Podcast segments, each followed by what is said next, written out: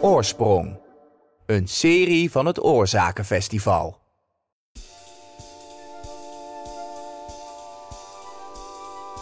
Welkom bij Oorsprong. Een vijfdelige serie waarin we elke aflevering vijf vragen aan een podcastmaker stellen. Waar denken makers over na? Waar komt hun liefde voor audioverhalen vandaan en waar luisteren ze zelf graag naar? We proberen er in vijf vragen antwoord op te krijgen. Uw presentator is Femke Bosma. In deze vijfde aflevering luister je naar een interview met Maartje Duin. Maartje maakt podcast en radioverhalen over uiteenlopende thema's en journalistieke onderwerpen. De verdwijners bijvoorbeeld. Over de wens te verdwijnen. Of Facebook een nachtmerrie. Over de verschrikkelijke wereld achter het beleid van social media.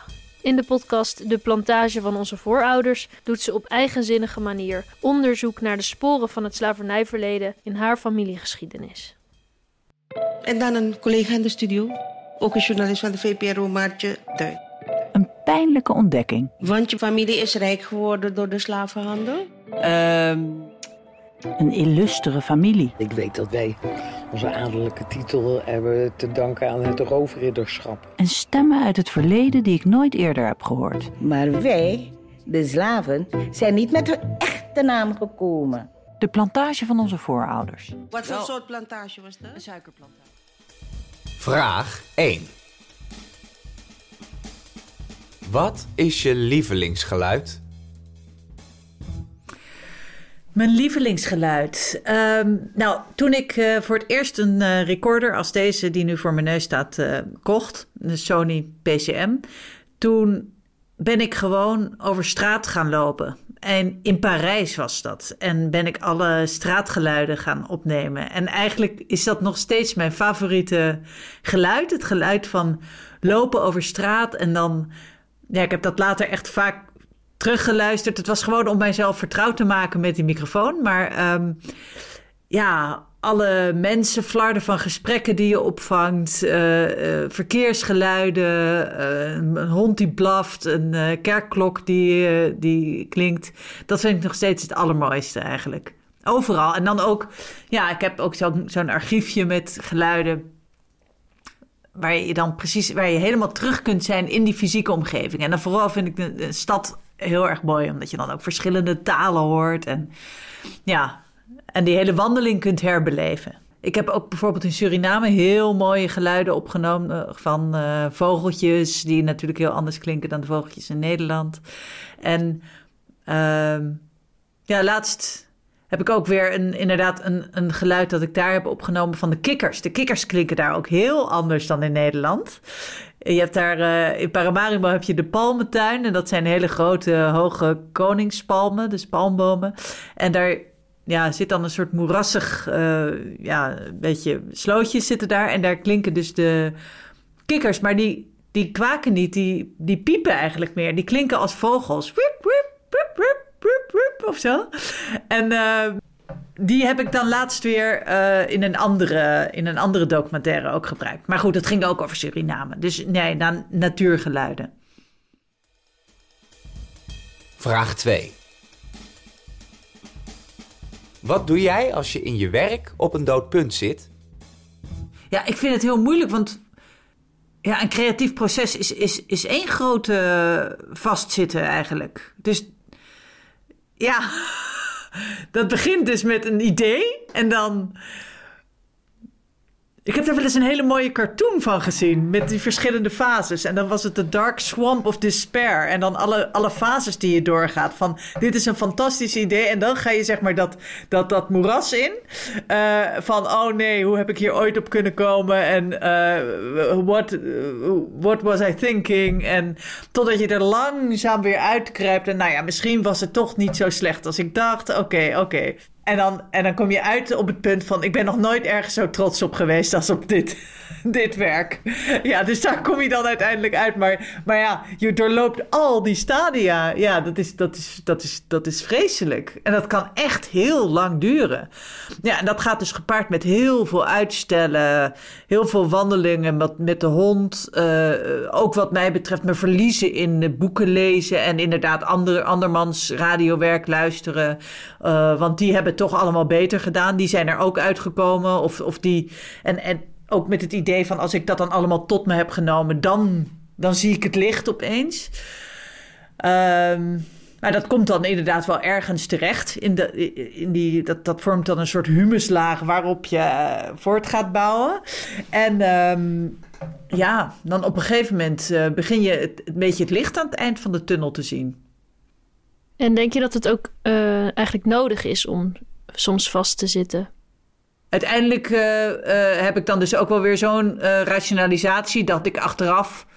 Hè, dan zeg ik van nou, kennelijk was dat nodig. Maar, maar is het wel echt nodig? Of kan het gewoon makkelijker? Nou, daar ben ik nog steeds niet uit. Als ik dat zou weten. En ik denk ook altijd, nu dan begin ik bijvoorbeeld weer aan een nieuw project. En dan denk ik van nou, laat ik nou eens eventjes wat van die, van die hiccups van het eerste project, van die moeilijkheden uit de weg ruimen. Maar uiteindelijk kom ik dan toch niet heel veel verder daarin. Dus dat, in dat proces, dat proces, dat blijft zich wel herhalen. En je, je ontdekt wel op een gegeven moment patronen in jezelf. Dus ik ben er wel vertrouwder mee geworden, dat wel. Ik ben vertrouwder geworden met dat proces. Dus ik weet ook, ik heb dus ook meer zelfvertrouwen van... hier kom ik uiteindelijk weer uit. En oh ja, ik zit nu ongeveer daar op dat moeras. Ja, maar ja, ik, ik, ik neem ook steeds uh, grotere projecten aan. Dus uh, in die zin wordt dat moeras of dat, ja, wordt ook steeds dieper. Want de taak wordt ook steeds moeilijker die ik mezelf dan heb gesteld, snap je? Maar ja, dat is dan wel, wel groei, denk ik. Persoonlijke groei of zo, of professionele groei. Vraag 3. Als alles zou kunnen en alles zou mogen, wat zou je dan maken? Nou, eigenlijk wat ik nu doe. Ik, ik ben dus nu bezig met een vervolg op uh, uh, de plantage. En dat wordt niet alleen maar een verhaal over uh, de koloniale verhoudingen tussen Nederland en Suriname in de 20e eeuw, of, of na de afschaffing van de slavernij, 1863. Maar het wordt ook een verhaal over uh, hoe kun je nou het beste omgaan met die ongelijkheid? En wat kunnen we daartegen doen? Structurele ongelijkheid als gevolg van het koloniale verleden. En ook hoe pas je dat toe op, uh, in, je, in je vakgebied? Dus ook in de vertelling zelf, in hoe je het verhaal vertelt. Hoe maak je een gedekoloniseerd verhaal over het koloniale verleden? Hoe ga je zelf met die dekolonisatie in jezelf om? En waarom denk je dat dit, dit project wat je nu aan het doen bent eigenlijk zo'n droom is? Um, omdat het echt een uitdaging is. Het is echt een intellectuele, uh, uh, ja, een makersuitdaging. Het heeft echt mij gedwongen om anders te gaan kijken. En um, het heeft me echt veranderd. En het heeft ook, uh, ja, in de relaties die, ik bijvoorbeeld ook met mijn moeder, mijn familie heeft de dingen in gang gezet.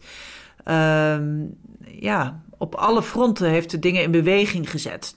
Niet alleen maar bij mij, maar ook bij de luisteraars. Maar goed, dat heeft dan minder met het maakproces te maken. Maar um, ik vind wel heel erg mooi als je iets teweeg kunt brengen bij luisteraars, die daar dan vervolgens zelf ook weer iets mee, gaan doen dat je echt een, een verandering uh, kunt helpen een verandering op gang te brengen. Een verandering in denken van mensen. En dat vind ik het. Ja, dat vind ik ook echt wel de taak van de journalist uh, of de, de maker.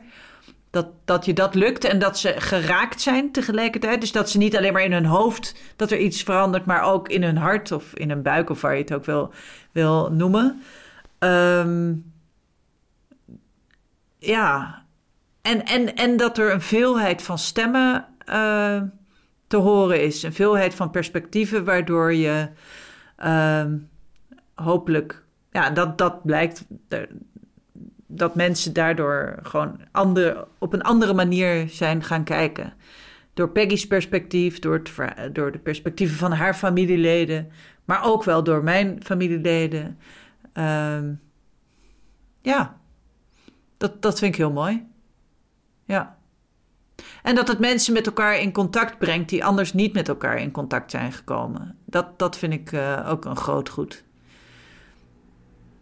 Dat is toch wel een van de redenen waar ik, waarom ik de journalistiek ben ingegaan. Om, om mensen elkaar te laten begrijpen of zo. Ja, Vraag 4. Welk verhaal uit je jeugd ben je nooit vergeten? Ha. ehm, nou, het radioprogramma waar ik wel... Al, dat, het radioprogramma dat me het meest is bijgebleven... is uh, Ronflonflon met Jacques Plafond van de VPRO. Ik doe er ineens geen zin meer in. Doe echt zoek. Ja, kijk, nee, doe het niet meer. Volgende week misschien. Nu doe ik het niet meer. Ja, dat kan best. Ze draaien gewoon met plaatjes. Hè? Ik doe het echt niet hoor. Dat is een radioprogramma, maar het is eigenlijk een, een pastiche, een, een parodie op een radioprogramma met slaande deuren en eh, eh, ja, eh, Jacques Plafond als de chaotische host en Wilhelmina Kutje met 2T. En dan kwam er een ober binnen met 2T, alstublieft. Eh, die dan voordroeg uit de dichtbundel van haar grootmoeder. En ehm, Jaap Knasterhuis, dat was dan iemand die uit de burelen daar van de omroep kwam. En elk, elke...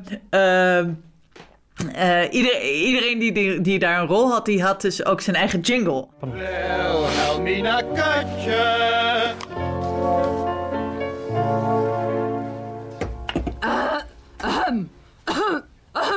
Eh, ja, precies. Daar is zij weer, de onvermijdelijke Wilhelmina Kutje junior met twee T's. Twee thee alstublieft, ik zat er al op te wachten. Nou, weet u nou onder de hand nu nog niet dat ik bij mijn radio optreden altijd een glas sherry verkies? Hè? Droog. Ja, dan moet ik even vooraf weten, want eh, dan kan ik weer helemaal terug. Ja, mag ik nu even, ja. Mag ik nu even mijn tijdens beperken? Classic VPRO. En ik was toen, eh, nou, ik denk 15 of zo. En, en nam echt nog radioprogramma's op, op cassettebandjes. En dat eh, nam ik dan mee op mijn Walkman naar school. En dat luisterden we dan samen. En ik kende echt hele van die uitzendingen uit mijn hoofd gewoon.